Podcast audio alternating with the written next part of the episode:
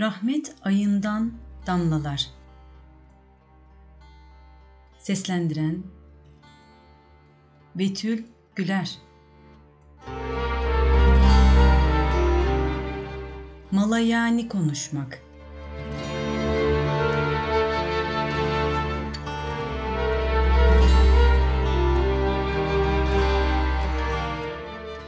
İyi bil ki senin en güzel halin, konuştuğun zaman dilini gıybet, dedikodu, yalan, mücadele gibi zikrettiğimiz bütün afetlerden korumandır.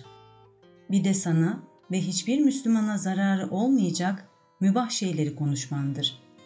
Fakat sen ihtiyacın olmayan, gereksiz kelimeleri sarf edersen, onunla zamanını zayi etmiş olursun.''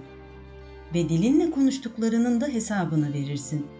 Değerli olanı feda edip karşılığında değersiz olanı almış olursun. Eğer sen konuşmaya harcadığın zamanı tefekkürde kullansaydın, çoğu zaman tefekkür ettiğin anda Allahü Teala'nın rahmetinin güzelliklerine ve büyük ihsanlarına nail olurdun. Şayet bütün noksanlıklardan münezzeh olan Allah'ı zikretsen La ilahe illallah desen, onu tesbih etsen senin için daha hayırlı olurdu. Öyle güzel sözler vardır ki onlar sebebiyle kula cennette köşk yapılır. Hazinelerden bir hazine almaya gücü yeten kimse onun yerine kendisine hiçbir fayda sağlamayacak bir saksı parçası alsa apaçık zarara uğrayanlardan olur. Bu Allah Teala'yı zikretmeyi terk edip her ne kadar günaha girmese bile kendisine fayda sağlamayacak mübahla meşgul olan kimsenin misalidir.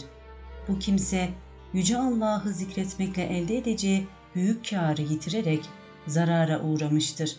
Şüphesiz müminin susması tefekkür, bakışı ibret, konuşması da zikir olmalıdır. İbni Abbas şöyle buyurur. Beş haslet var ki onlar bana Allah için vakfedilmiş çok sayıda deveden ve atlardan daha sevimlidir. Bunlar seni ilgilendirmeyen şeyleri konuşma. Zira o fuzulidir ve bundan dolayı günaha düşmeyeceğinden de emin değilim. Yerinde olmadığı zaman seni ilgilendiren konuda da konuşma. Çünkü nice konuşanlar vardır ki kendisini ilgilendiren konuyu yerinde söylemez, sonunda sıkıntıya düşer.'' Yumuşak huylu olsun, ahmak olsun, hiç kimseyle mücadele etme. Çünkü yumuşak huylu olan sana kalbiyle buğz eder. Ahmaksa diliyle eziyet verir. Arkadaşın yanında yokken onu senin hakkında söylendiğinde hoşlanacağın sıfatlarla kendisini an. Arkadaşının senden affetmesi hoşuna gidecek şeyleri sen de ondan affet. Arkadaşının hangi davranışı hoşuna gidiyorsa sen de ona öyle davran. Yaptığı iyiliğe mükafat alacağını, kötülüğe de ceza göreceğini bilen bir kimsenin ameli gibi amel et. Lokman Hikim'e senin hikmetin nedir diye sorulunca şöyle söyledi. Ben yapmam gerekmeyen şeyi sormam. Beni ilgilendirmeyen şeyin de peşine düşmem.''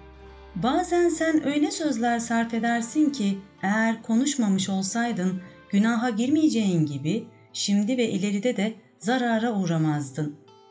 Bunu bir misalle anlatalım. Bir cemaatle oturursun, onlara yolculuklarından bahsedersin. Yolculuk esnasında gördüğün dağları, nehirleri, başından geçen olayları, hoşuna giden yemekleri, elbiseleri, seni şaşkınlığa sevk eden hadiseleri, beldelerdeki büyükleri, oralarda olan şeyleri anlatırsın. Bunlar öyle olaylardır ki eğer onları anlatmasan günaha girmezsin ve zarara uğramazsın. Cihatla ilgili anlattıklarında da durum aynıdır. Eğer gördüğün hadiseleri mübalağa ile anlatırsan malayaniye girmiş olursun. Mesela olayları eksik veya fazla anlatırsan kendini temize çıkarmaya çalışırsın. Nefsini övme, birini gıybet etme, Allahü Teala'nın yarattıklarından bir şeyi kötüleme gibi şeylerden kaçınmazsan vaktini zayi etmiş olursun. Sen hayırlı bir şeyi anlatırken tehlikelerden kaçınamazsan dilin afetlerinden nasıl korunabilirsin? Başkasına seni ilgilendirmeyen bir şey sorarsın. Böylelikle vaktini zayi etmiş olursun. Arkadaşını da soruna cevap vermek suretiyle aynı şekilde zamanını zayi etmeye zorlamış olursun. Sorulan soru kişiyi bir afete sürüklemediği takdirde vaktini zayi etmiş olur. Mesela birine oruçlu musun diye sorsan eğer evet derse ibadetini açığa vurmuş olur. Bu takdirde riyaya girer. Riyaya girmezse de ibadeti gizliler defterinden silinir. Gizli olan ibadetse açık olandan dereceler farkıyla daha üstündür. Eğer hayır derse yalancı olur. Cevap vermezse sen küçümsenmiş olursun ve böylelikle ona eziyet etmiş olursun. Şayet soru sorduğum kimse söylediğini defetmek için çeşitli yollar ararsa zorlanmaya muhtaç olur ve yorulur. Dolayısıyla sen onu sorunla ya riyaya ya yalana ya küçümsemeye ya da kendisini soruyu def etmek için hile yaparak yorgunluğa sevk etmiş olursun. Diğer ibadetlerinden ve günahlardan sorman da böyledir. Bazen birini açıklamaktan kaçındığı ve utandığı şeylerden sorarsın. Mesela başkasının konuştuğu bir şeyden sorarak ne dersin? Bu konudaki görüşün nedir? gibi onun açıklamak istemediği şeylerden sorup onu zor durumda bırakmış olabilirsin. Yine yolda gördüğün birisine nereden geliyorsun diye sorarsın. O kimse o anda cevap vermek istemeyebilir. Eğer nereden geldiğini söylese bazen bundan utanabilir. Doğruyu söylemeyecek olsa yalana düşmüş olur. Sen de ona sebebiyet vermiş olursun. İşte senin ihtiyacın olmayan her bir soruyu sorman karşındakini bu şekilde sıkıntıya düşürür.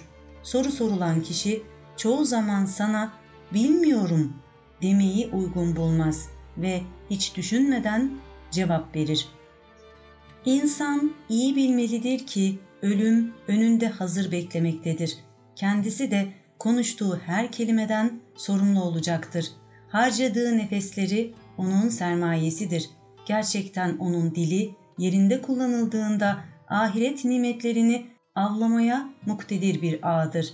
Onun ihmali ve kaybedilmesi ise apaçık bir zarardır. Bu ilim yönünden dilin ilacıdır. Amel olarak dili boş şeylerden kurtarmak için uzlete çekilmek, insanlara fazla karışmamak, dilini konuşmaktan engelleyecek tedbirlere başvurmak gerekir. Bir de kendini ilgilendiren bazı konularda bile susmaya çalışmalıdır. Böylece dili konuşmadan durmaya alıştırmalıdır. Böyle yapılırsa insan boş konuşmaları terk etmeye alışır. İnsanlardan uzak kalmadan dili susmaya alıştırmak çok zordur.''